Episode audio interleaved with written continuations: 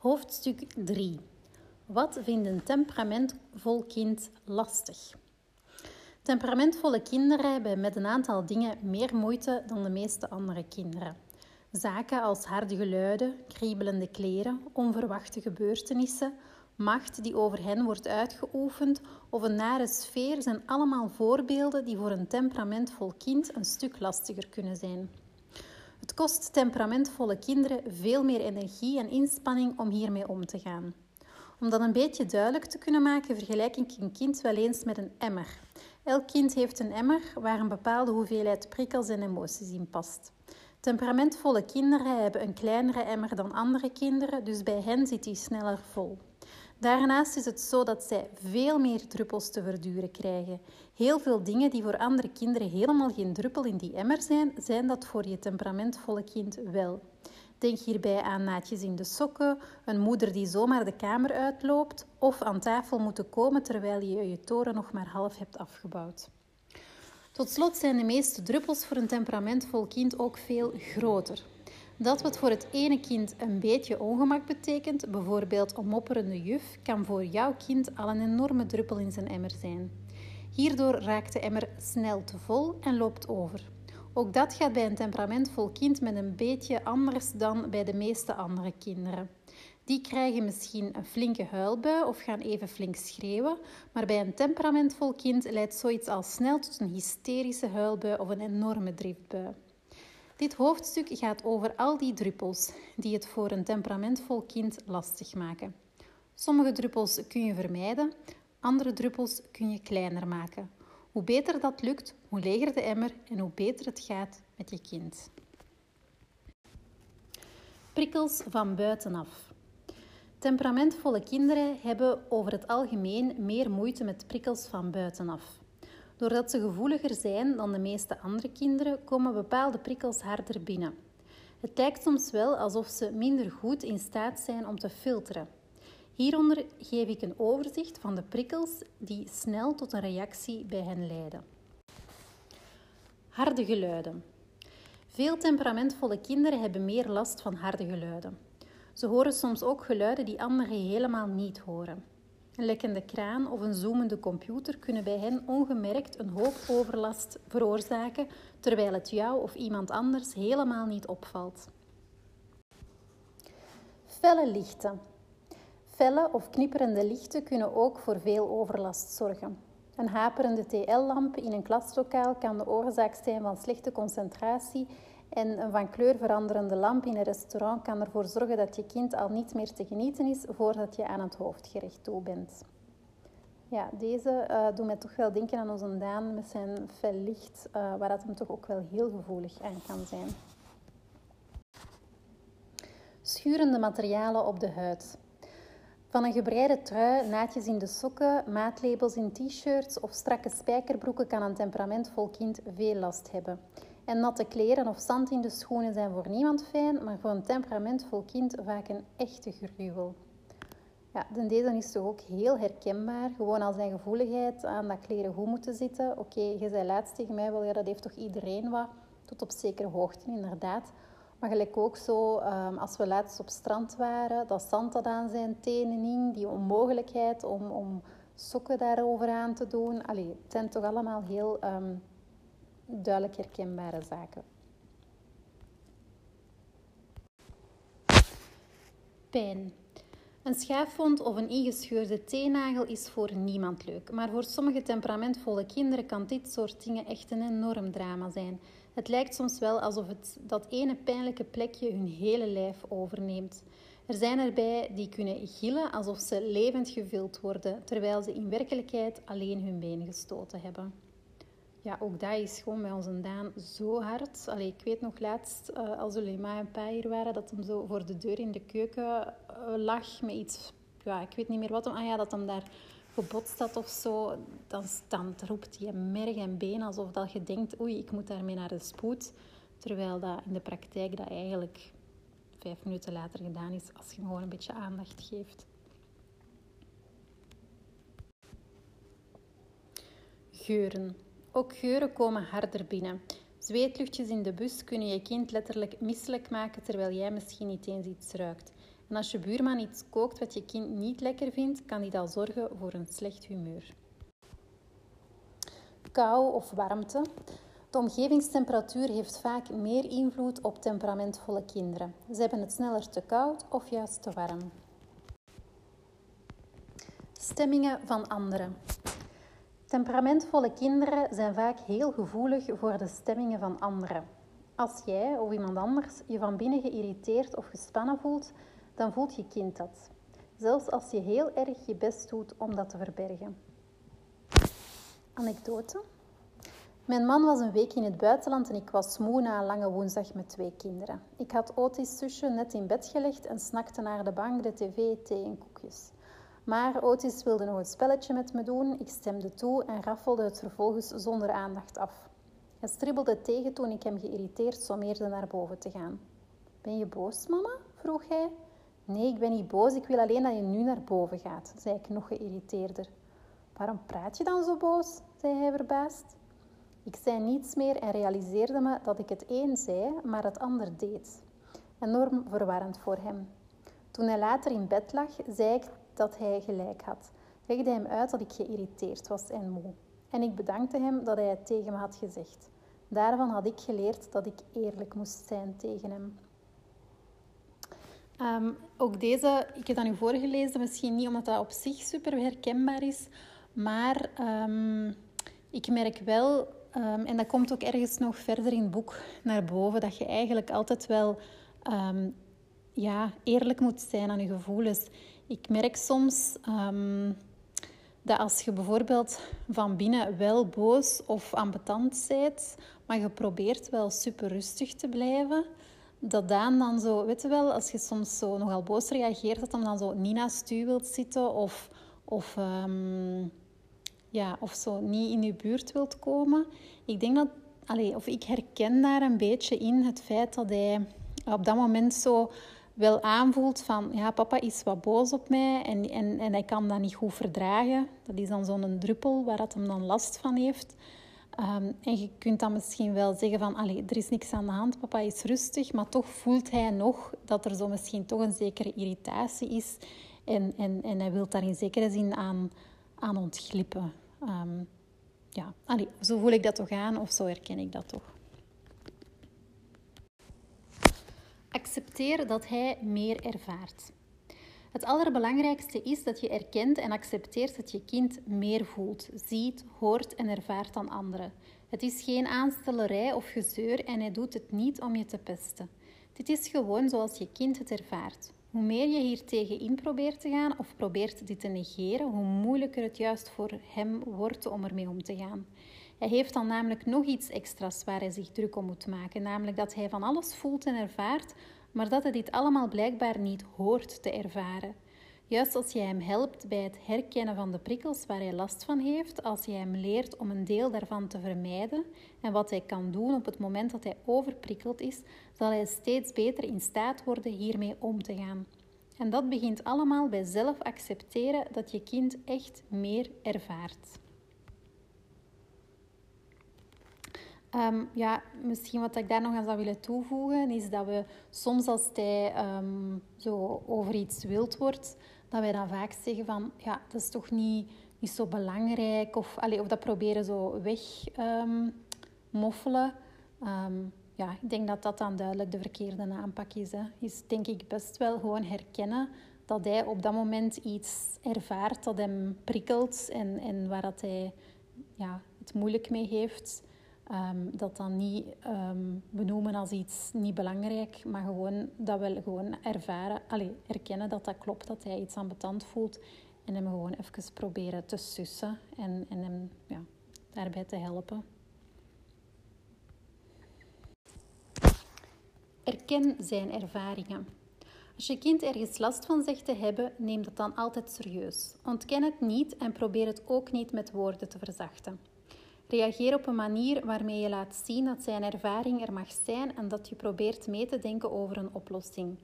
Hé, hey, wat na dat je mijn koffie zo vies vindt ruiken. Misschien helpt het om even aan de andere kant van de tafel te gaan zitten? In plaats van stel je niet zo aan. Of je vindt het echt vreselijk, hè, die natte broek aan je benen. Wil je hem nu uittrekken en met blote benen verder of houd je het toch nog heel even vol?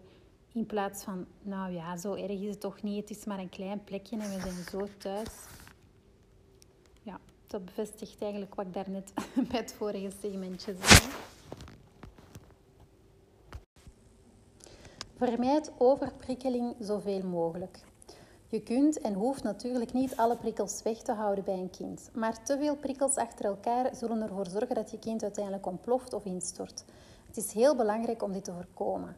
Het kost namelijk alleen maar meer energie, waardoor je daarna weer extra last krijgt van die prikkels. Kijk dus welke prikkels je kunt vermijden en welke je kunt verminderen. Zorg bijvoorbeeld voor zachte kleding, zet sterk ruikende etenswaren niet net onder de neus van je kind en neem je kind niet mee naar plekken vol harde geluiden en felle lichten. Leer hem om prikkels te herkennen. Sommige kinderen hebben zelf helemaal niet zo goed in de gaten wat er nou precies gebeurt. Ze voelen en ervaren van alles en op een gegeven moment ontploffen ze en hebben ze geen idee waarom. Kijk eerst eens goed naar je kind en noteer alles waarvan je ziet dat hij er last van heeft. Kriemt hij ineen als hij harde geluiden hoort? Draait hij zijn hoofd weg als jij er met een kop koffie naast gaat zitten? Of raakt hij gespannen als er een negatieve sfeer in de kamer hangt? Hoe beter jij doorhebt waar hij last van heeft, hoe beter je het voor hem kunt benoemen. Dat was schrikken, hè? Of vind je die koffie vies ruiken? Of is het dat gekookte ei op mijn boterham? Geef je kind woorden waarmee hij zijn ervaringen kan beschrijven.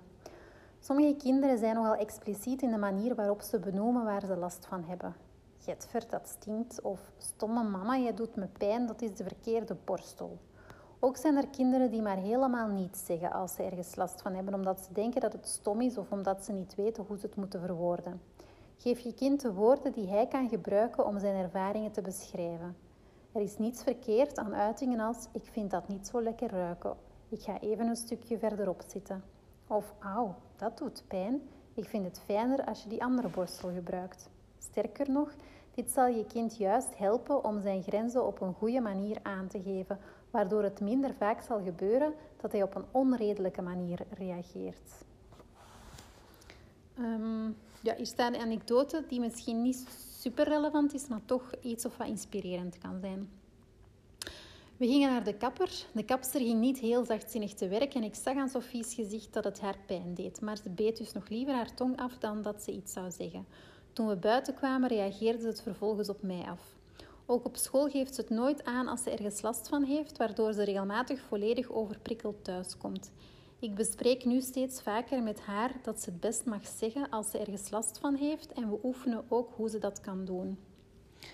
Nou ja, ik heb dat toch voorgelezen omdat ik dacht, op zich um, ja, denk ik wel dat onze Daan um, waarschijnlijk niet iedere keer als hem iets stoort dat zegt. Hij zegt dat soms wel, maar inderdaad de manier waarop. Ik denk als, we, als hij zo een uiting doet van frustratie, dat dat vaak niet misschien op de meest aangename manier is. En in plaats van dan weer boos te worden op die onredelijke manier of zo waarop dat hem reageert, dat we misschien inderdaad veel meer even kunnen moeten hem zeggen van misschien zou je dat nu even zo kunnen zeggen, hè, op, een, op een rustige manier.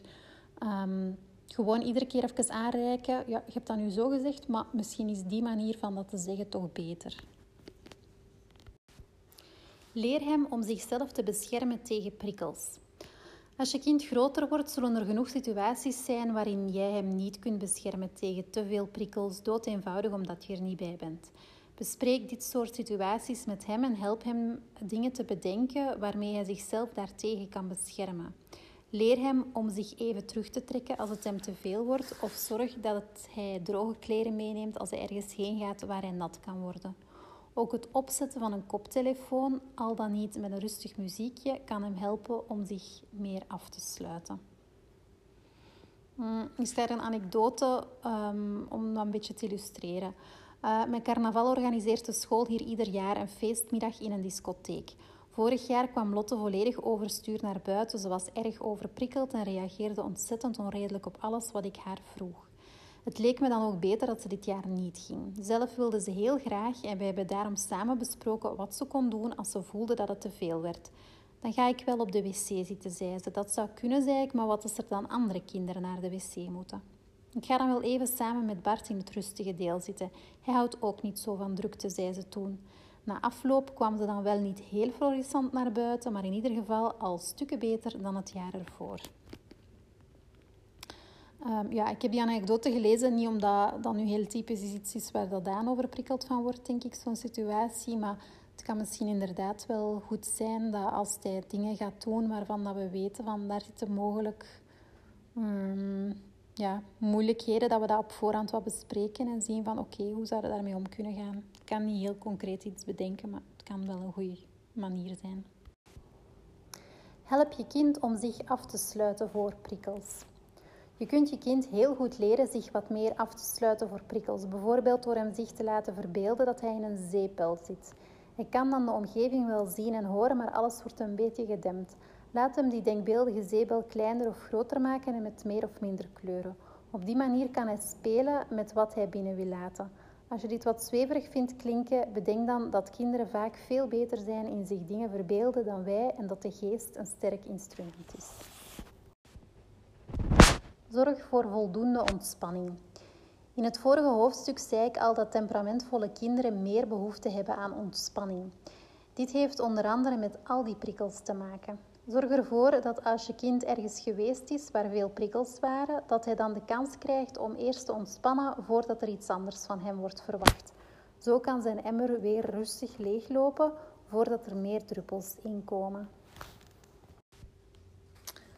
Accepteer dat hij de ene keer meer last ondervindt dan de andere. Als je kind moe is, honger heeft of om andere redenen al niet zo lekker in zijn vel zit, komen al die prikkels nog eens extra hard binnen. Het kan dus gebeuren dat hij ineens een enorm probleem maakt van een labeltje in zijn trui, terwijl hij diezelfde trui al drie keer eerder aan heeft gehad. Ook kan het gebeuren dat hij ochtends nog staat mee te dansen op de harde muziek van zijn broertje, maar dat hij later al overprikkeld raakt van een deuntje dat je staat te neurien. Het is dan soms best lastig om hem daar serieus in te nemen. Een reactie als, ach, dat valt toch wel mee, je hebt die trui al drie keer aangehad hoor, lijkt dan heel logisch. Toch is het ook nu belangrijk om de signalen van je kind serieus te nemen. Hij ervaart het gewoon echt zo en als je dit soort dingen negeert, is de kans op een emmer die overloopt een stuk groter.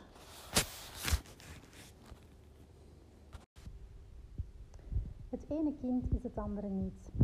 Gevoelige kinderen kunnen erg verschillen in de manier waarop ze dingen sterker ervaren.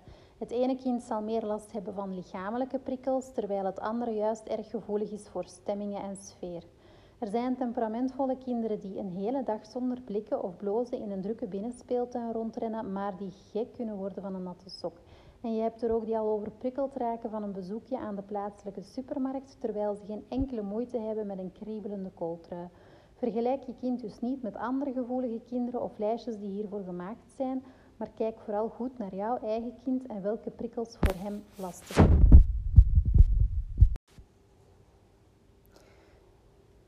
Je kind hoeft zijn gevoeligheid niet te overwinnen. Sommige ouders zijn bang dat hun kind te gevoelig is en dat hij daardoor niet kan functioneren in de maatschappij. Ze willen hem helpen zijn gevoeligheid te overwinnen. Dit werkt eigenlijk alleen maar averechts, want je kind kan zijn gevoeligheid niet uitzetten. Juist als je hem leert dat hij dit soort gevoelens serieus mag nemen, help je hem om ermee om te gaan. Mensen die van zichzelf weten dat ze gevoelig zijn en die hebben geleerd hoe ze daarmee om moeten gaan, functioneren beter dan mensen die hun gevoeligheid proberen te onderdrukken. En precies deze laatste groep loopt uiteindelijk vaak vast, hetgeen niet zelden resulteert in overspanningheid of burn-out. Oké, nu komen we aan de volgende druppel um, die um, lastig is voor een temperamentvol kind en dat is getiteld macht. Temperamentvolle kinderen kunnen slecht tegen macht. Puur en alleen al het idee dat ze moeten doen wat een ander bepaalt, kan zorgen voor heel veel verzet. Zelfs als datgene wat ze moeten doen in feite helemaal niet zo erg is. Het is daarom erg belangrijk om ervoor te zorgen dat je kind zo min mogelijk het gevoel krijgt dat je macht over hem wilt uitoefenen. De manier waarop je hem benadert is van grote invloed op de reactie die je krijgt. Met een goede benadering kun je een hoop weerstand voorkomen. Ja, dat is natuurlijk een die een op zich, het is nog maar de inleiding van het hoofdstuk, maar die een heel herkenbaar is en die ik ook heel goed begrijp. Want Ehm, dat is ook iets waar ik niet tegen kan. Hè. Ik denk dat je dat ook wel weet dat dat, denk ik, dat is ook een beetje eigen aan papa's, denk ik. Zo'n beetje de autoriteit. Uh, en, en het is omdat ik het zeg. Uh, maar ik weet dat als jij dat bij mij soms doet, dat dat bij mij ook op weerstand botst. En ik heb dat ook al heel vaak gezegd, dat ik dat heel... Ook niet alleen in een thuissituatie, maar bijvoorbeeld op het werk. Als dan een stijl is van, van een leidinggevende, van zo echt vanuit macht uh, met mensen om te gaan. Daar heb ik altijd een soort van aversie tegen. Dus um, ja. Misschien ben ik ook temperamentvol. Um, er zullen nog wel mensen zijn die macht niet, kunnen uh, niet goed kunnen verdragen. Maar ik denk dat dat zeker hier een aandachtspunt is. Want ik denk dat het duidelijk iets is waar dat niet tegen kan. En het is iets waar dat, denk ik zeker, um, ook hoe dat jij denk ik een beetje bent opgevoed, uw stijl wel is. En uiteraard vergrijp ik mij daar ook wel eens aan. Want het is natuurlijk gemakkelijk om te zeggen, ik ben de mama, ik ben de papa, ik ben de baas. Maar ja, dat is niet per se zo. We zijn niet de baas. En je zo gedragen uh, naar iemand anders die gewoon een persoon is, um, is soms gemakkelijk, maar duidelijk bij Daan lost, allez, is het geen goede manier om met hem om te gaan. Maak eerst contact met je kind. Zorg ervoor dat je zeker weet dat je kind hoort wat je wilt zeggen. Tegen je kind zeggen dat het tijd is om zich aan te kleden terwijl hij volledig opgaat in zijn kleurplaat, heeft geen enkele zin. Loop altijd even naar hem toe als je hem iets wilt zeggen en zorg dat je echt contact hebt. Bijvoorbeeld door interesse te tonen voor wat hij doet en dan pas te vertellen wat je kwijt wilt. Door eerst verbinding te maken ontstaat er een gevoel van gelijkwaardigheid, waardoor je kind minder het gevoel heeft dat jij de baas over hem wilt spelen. Op deze manier zorg je er ook nog eens voor dat hij je de eerste keer al hoort. Je toon is dan meestal het vriendelijkst. Als je hem vijf keer hetzelfde moet vragen, is het niet zo gek dat je daar geïrriteerd van gaat klinken. Zorg er dus voor dat het zover niet komt. Vermijd machtswoorden. De gebiedende wijs doet het vaak erg slecht bij kinderen met een erg sterke wil. Voor hen voelt dat als een commando en daar kunnen ze slecht tegen. Ik zou het fijn vinden als je even de tafel leegruimt of ik wil graag dat je je knutselspullen opbergt zodat ik de tafel kan dekken, komt heel anders binnen bij je kind dan je moet de tafel opruimen. Je kunt de gebiedende wijs ook omzeilen door mededeling als er is tijd om naar school te gaan of we gaan nu eerst opruimen. Soms kan een vraag stellen ook heel goed werken, maar alleen als je ook bereid bent om als antwoord nee te accepteren. Wil jij even de tafel dekken? is een prima vraag om te stellen, zeker omdat de kans dat hij het wil doen groter is dan wanneer je het hem opdraagt. Accepteer dan wel dat je het zelf moet doen als hij nee zegt. Anekdote.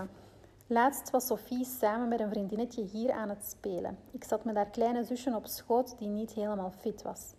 Wil jij me misschien even haar speentje aangeven? vroeg ik aan Sophie. Ja hoor, zei ze. Even later had ik een doekje nodig en ook dat bracht ze direct toen ik het haar vroeg.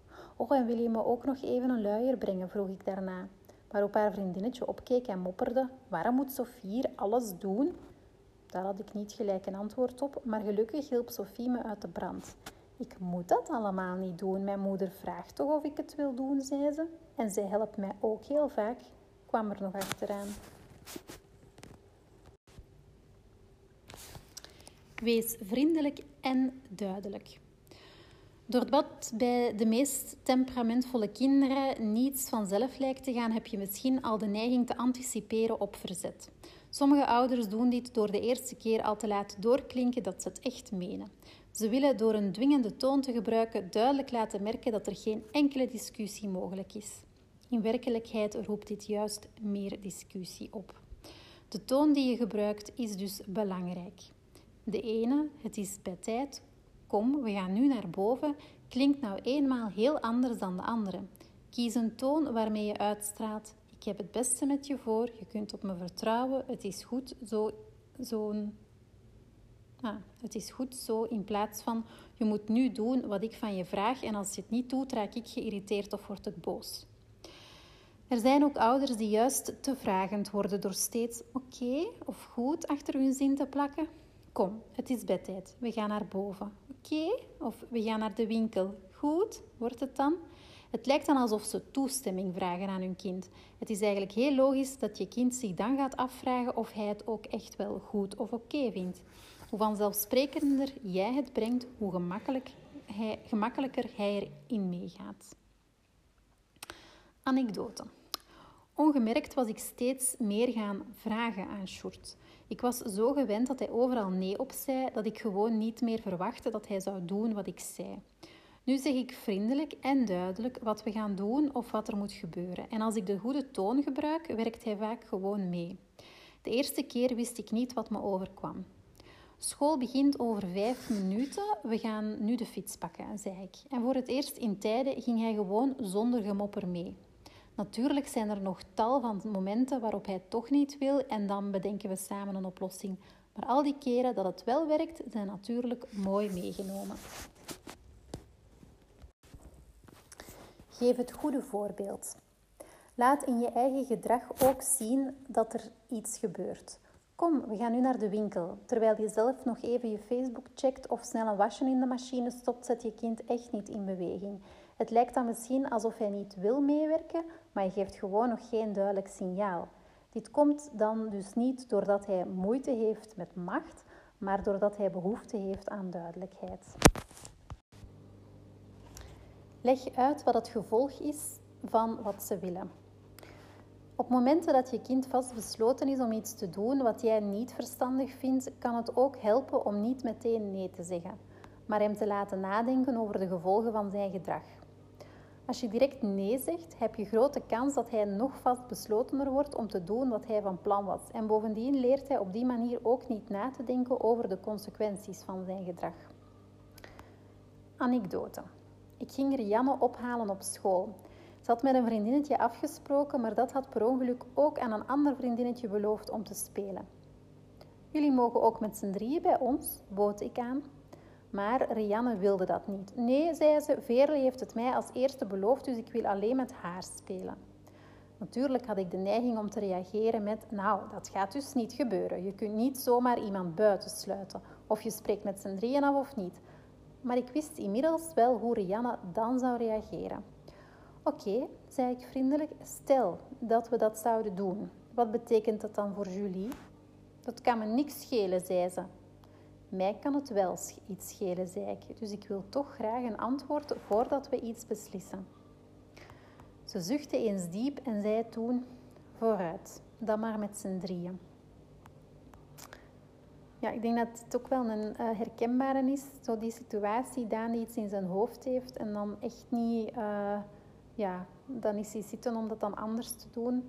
Ik weet niet of dat in deze situatie Daan zo snel ook zou toegegeven hebben als hij wees op de consequenties. Maar bon, um, in ieder geval een werkpuntje. Geef je kind tijd om te wennen aan nieuwe ideeën. Soms moeten er dingen gebeuren die je kind echt heel vervelend vindt. Daar is helaas niets aan te doen. Voor een temperamentvol kind is dat sowieso al lastig, maar als hij het ook nog niet aan heeft zien komen, dan is de ramp helemaal niet te overzien. Leg dit soort dingen daarom een tijdje in de week. Zeg bijvoorbeeld al een week van tevoren even terloops dat hij de volgende week een middag extra naar de opvang moet. Als hij dan tegensputtert, erken dat gevoel dan gewoon. Je baalt ervan, hè. Je zou liever thuis zijn die middag. Probeer hem niet te overtuigen en zeg zeker geen dingen als het moet nu eenmaal, want dat duwt hem alleen maar verder in het verzet. De dagen erna herhaal je dit even kort. Vaak zorgt dit ervoor dat hij het op de dag zelf veel gemakkelijker accepteert.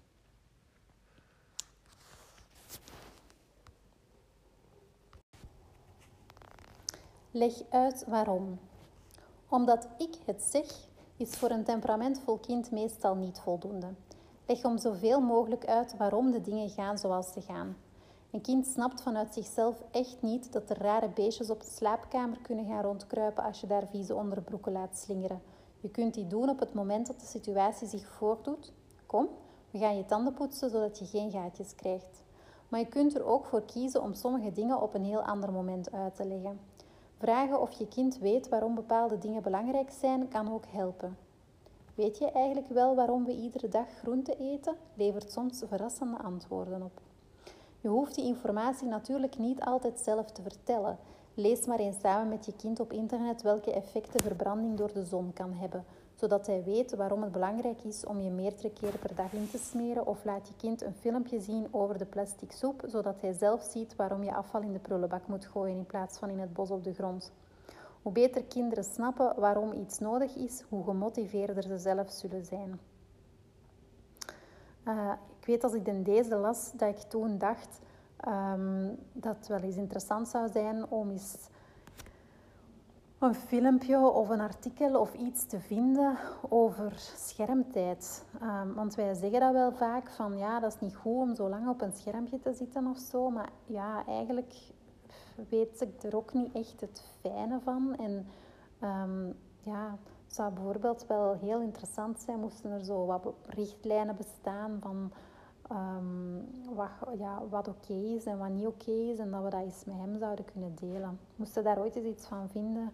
Um, ik ben er dan nog niet echt op gebotst, maar dat lijkt me wel eens interessant om dat dan met hem te delen. En dan gaat hij misschien zelf ook wel um, dat belangrijk vinden en, en, en daarover mee nadenken hoe dat dan dat wat binnen de perken kan houden. Skip de als-dan. Als je je bord niet leeg eet, dan krijg je dadelijk ook geen toetje. Of als je nu je speelgoed niet opruimt, mag je straks ook niet op de computer. Bij veel kinderen lijkt het zo goed te werken. Toch is het, zeker bij temperamentvolle kinderen, goed om dit soort als-dan-principes zoveel mogelijk te vermijden. Je gebruikt hierbij immers macht, namelijk jouw macht om hem bepaalde dingen te ontzeggen als hij niet doet wat jij wil. Ook al werkt het op de korte termijn vaak best handig, de nadelen op de lange termijn zijn te groot. Je kind krijgt hierdoor immers het gevoel dat jij de baas over hem wilt spelen en de kans is groot dat hij op andere momenten juist dwarser gaat doen omdat hij de machtsbalans wil herstellen. Ook gaan sommige kinderen zelf voorwaarden stellen. Sommige ouders brengen de als dan positief. Als je je bord leeg eet, krijg je straks een toetje. Of als je nu eerst je kamer opruimt, mag je op de computer. Dit lijkt gunstiger, maar in de praktijk is het natuurlijk op hetzelfde principe gebaseerd en kent het dus hetzelfde nadeel. De anekdote die hier staat is wel, ja, dat zou, ik zou even goed Daan kunnen lezen, maar er staat Otis. Otis vraagt vaak aan mij, mama, als ik dat niet doe, wat dan? Of hij zegt juist tegen mij, als jij mij nu niet nog een verhaaltje voorleest, dan kom ik morgenochtend niet uit bed. Ja, dat doet Daan ook. Hè. Dus ja, dat hebben we zelf ook al wel eens uh, beseft. Hè, dat uh, als dan echt geen goeie is. Maar dat wil daarom precies nog niet zeggen dat we hem al helemaal gebannen hebben. Toch nog eens aan werken, denk ik. Geef grenzen aan vanuit rust. Doordat temperamentvolle kinderen heel gevoelig en opmerkzaam zijn, hebben ze het direct in de gaten als jij hen iets laat doen vanuit het gevoel dat jij de baas bent. We hebben als ouders allemaal wel eens dat machteloze gevoel waarbij we gewoon willen dat onze kinderen doen wat wij zeggen, gewoon omdat wij het zeggen. Dat gevoel zorgt er vaak voor dat we uiteindelijk meer machtsvertoon gaan inzetten dan eigenlijk nodig is. Als je dit gevoel bij jezelf herkent, zet dan even een stapje terug. Haal een paar keer diep adem en bedenk op welke manier je deze situatie het beste tot een goed einde kunt brengen. We weten allemaal dat we lastige situaties het makkelijkst om kunnen buigen als we dat doen vanuit vertrouwen en rust. In hoofdstuk 6 lees je nog meer over hoe je rustig kunt blijven in lastige situaties.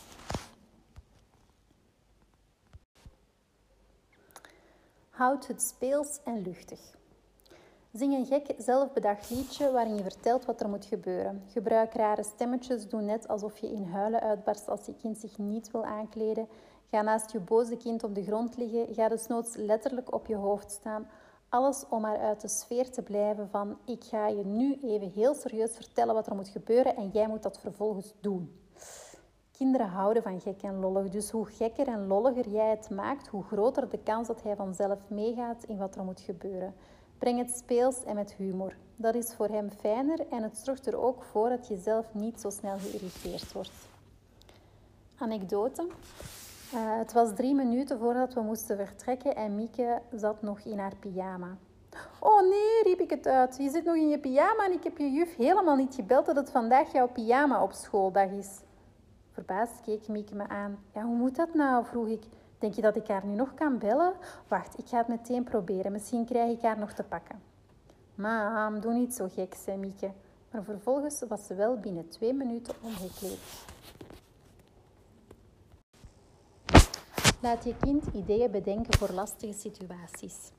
De gemakkelijkste manier om de sterke wil van je kind juist in zijn en jouw voordeel te laten werken is door aan hem te vragen hoe hij een lastige situatie denkt op te lossen. Ah, dus jij vindt het echt heel vervelend als ik je tanden poets. Heb je dan misschien een idee hoe we ervoor kunnen zorgen dat je tanden heel goed schoon worden? Of jij wilt het liefst zo lang mogelijk in de speeltuin blijven, maar ik wil graag op tijd eten vanavond. Heb jij een idee hoe we dit kunnen oplossen? Je maakt hem hiermee mede verantwoordelijk voor de oplossing. Temperamentvolle kinderen nemen dit soort verantwoordelijkheden vaak heel serieus en zullen hun uiterste best doen er iets op te verzinnen. Als je hem op bovengenoemde manier aanspreekt, is de kans een heel stuk groter dat je kind gewoon meewerkt. Zeker als hij goed in zijn vel zit, wil hij best wel doen wat je van hem vraagt. Toch zullen er genoeg situaties blijven waarin je kind weigert te doen wat jij graag wilt of momenten waarop hij een door jou gestelde grens niet zo gemakkelijk accepteert. Daar kun je op verschillende manieren mee omgaan. Denk altijd heel goed na waarom je een grens stelt. Natuurlijk is het soms nodig om een grens aan te geven of om van je kind te verwachten dat hij iets doet, bijvoorbeeld als iets gevaarlijk is, als hij de situatie nog niet kan overzien of als hij anders helemaal overprikkeld raakt. Er zijn situaties waarin je hem niet kunt laten kiezen en waarin je niet eerst samen kunt overleggen. Toch blijken er veel minder van dit soort situaties te zijn dan de meeste ouders denken. Het kan geen kwaad om je ideeën over wat echte grenzen zijn eens goed tegen het licht te houden. Soms ligt het niet aan je kind dat hij een grens niet accepteert, maar aan de grens zelf. Denk eens goed na over waarom je ergens een punt van maakt. Heb je daar echt goede motieven voor? Of doe je het omdat je denkt dat het zo hoort of omdat je het zo gewend bent? Verder kan het soms heel verveel, uh, verhelderend werken om van een andere ouder te horen dat hij van bepaalde dingen totaal geen punt maakt, terwijl het voor jou juist een groot issue is. Bespreek daarom eens met andere ouders hoe zij tegenover bepaalde dingen aankijken. Ehm, ja, ik ga de anekdote lezen. Um, Pieter en ik hadden de hele dag strijd over van alles. Uh, soms was ik echt uitgeput aan het einde van de dag. Het leek wel of hij er een sport van maakte om zoveel mogelijk tegen me in te gaan. Jij wilt ook altijd je zin, riep ik een keer boos naar hem. Dat is helemaal niet waar, schreeuwde hij terug. Jij wilt juist altijd je zin. Vervolgens kwam hij met een heleboel voorbeelden van situaties waarin hij iets niet mocht, puur en alleen omdat het mij niet zo goed uitkwam. En met andere situaties waarin hij juist iets moest doen wat hij niet wilde, maar alleen omdat ik het wilde. Dat zette me wel aan het denken. Raak niet geïrriteerd. Zelfs als er een hele goede redenen zijn, komen temperamentvolle kinderen vaak met veel tegenargumenten. Sommigen kunnen echt blijven doorgaan en dan is het ook voor hen fijner als je er duidelijk over bent dat de situatie echt niet veranderd kan worden. Zorg alleen dat je dat niet geïrriteerd doet. Dat is olie op het vuur en voordat je het weet beland je weer in een nieuwe discussie. Luister in plaats daarvan naar de argumenten van je kind en denk erover na of hij misschien toch niet een punt heeft. Als je dat niet vindt, laat dan merken dat je hem snapt en dat je trots voor hem vindt dat het nu anders loopt dan hij zou willen. Ik weet het, lieverd. Je zou echt heel graag vanavond nog naar de kermis gaan in plaats van morgen. Vanavond wil ik echt op tijd naar bed, want ik ben heel moe. Morgen ga ik graag met je mee. Je mag er nog zoveel over tegen me zeggen als je wilt, maar dit is het laatste wat ik erover wil zeggen. Je kunt ook samen een speciaal woord of een teken bedenken voor dit soort situaties. Zorg er wel voor dat je dit zo min mogelijk inzet. Het werkt namelijk alleen als hij weet dat je er geen misbruik van maakt. Dit wordt een beetje geïllustreerd door een anekdote. Uh, Neeltje heeft het soms gewoon echt even nodig om te weten waar ze aan toe is. Als ik iedere keer meega in haar discussie, komen we echt nergens. Ik probeer echt zoveel mogelijk om met haar samen te werken en haar tegemoet te komen in wat zij belangrijk vindt. Maar we hebben nog drie kinderen en dus soms zal ze moeten accepteren dat iets gaat zoals het gaat of dat iets gewoon echt niet kan. Eerst bleef ik met haar in gesprek gaan, maar dat resulteerde uiteindelijk vaak in ruzie. Nu hebben we samen de no-go-kaart verzonnen. Als ik die inzet, weet Neeltje dat het echt klaar is en dat het geen zin heeft om nog verder te discussiëren. We hebben afgesproken dat ik die maximaal één keer per dag mag inzetten. Heel grappig hierbij was dat ik maximaal drie keer per week voorstelde en dat Neeltje toen uit zichzelf zei dat één keer per dag ook wel mocht. Werk zoveel mogelijk samen. Je kind zijn kamer laten opruimen omdat jij van een opgeruimd huis houdt of van je kind verwachten dat hij meegaat naar een feestje waar hij absoluut niet naartoe wil, zijn geen natuurlijke grenzen. Dit zijn jouw behoeften en natuurlijk mag je van je kind verwachten dat hij daar rekening mee houdt. Maar dat is iets anders dan dat je hem, dan hem je wil opleggen. Bij dit soort situaties kun je beter met hem samenwerken en zoeken naar een oplossing die voor beide acceptabel is. Machtsstrijd ontstaat pas als er twee mensen bij betrokken zijn. Je bent er dus zelf ook altijd deels verantwoordelijk voor. Door samen te werken met je kind kun je een heleboel strijd voorkomen. Hoe je goed kunt samenwerken lees je in het volgende hoofdstuk.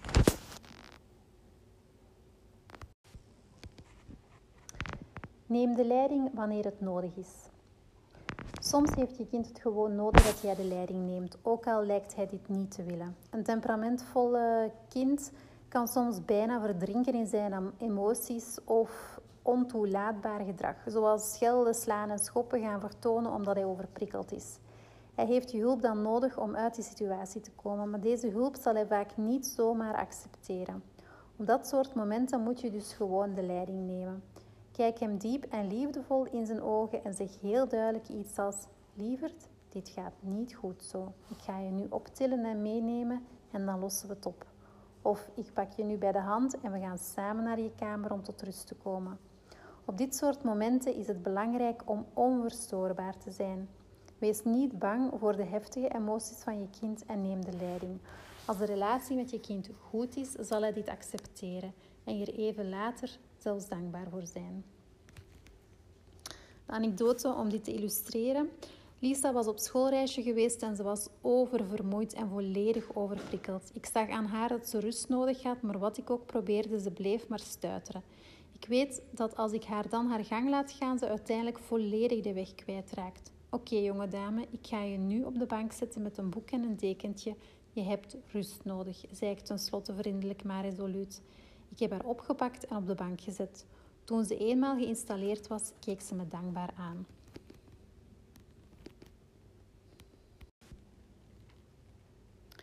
Het heeft ook voordelen. Je kind zal niets doen gewoon omdat jij dat zegt. Bedenk dan dat dit eigenlijk een heel mooie eigenschap is. Hij zal dus ook minder geneigd zijn om toe te geven aan groepsdruk of dingen doen die tegen zijn gevoel ingaan en dat kan in de puberteit en later in zijn leven nog flink van pas komen. Daarnaast ben je al vanaf dat hij nog klein was gedwongen om iets anders dan macht in te zetten om hem in beweging te krijgen. Hierdoor zal je invloed op de lange termijn juist veel groter zijn. Je kind luistert immers niet naar je omdat het moet, maar omdat hij het wil. Hij zal juist eerder om raad en advies komen vragen dan wanneer hij nu gewoon moet doen wat jij zegt, alleen omdat je dat zegt.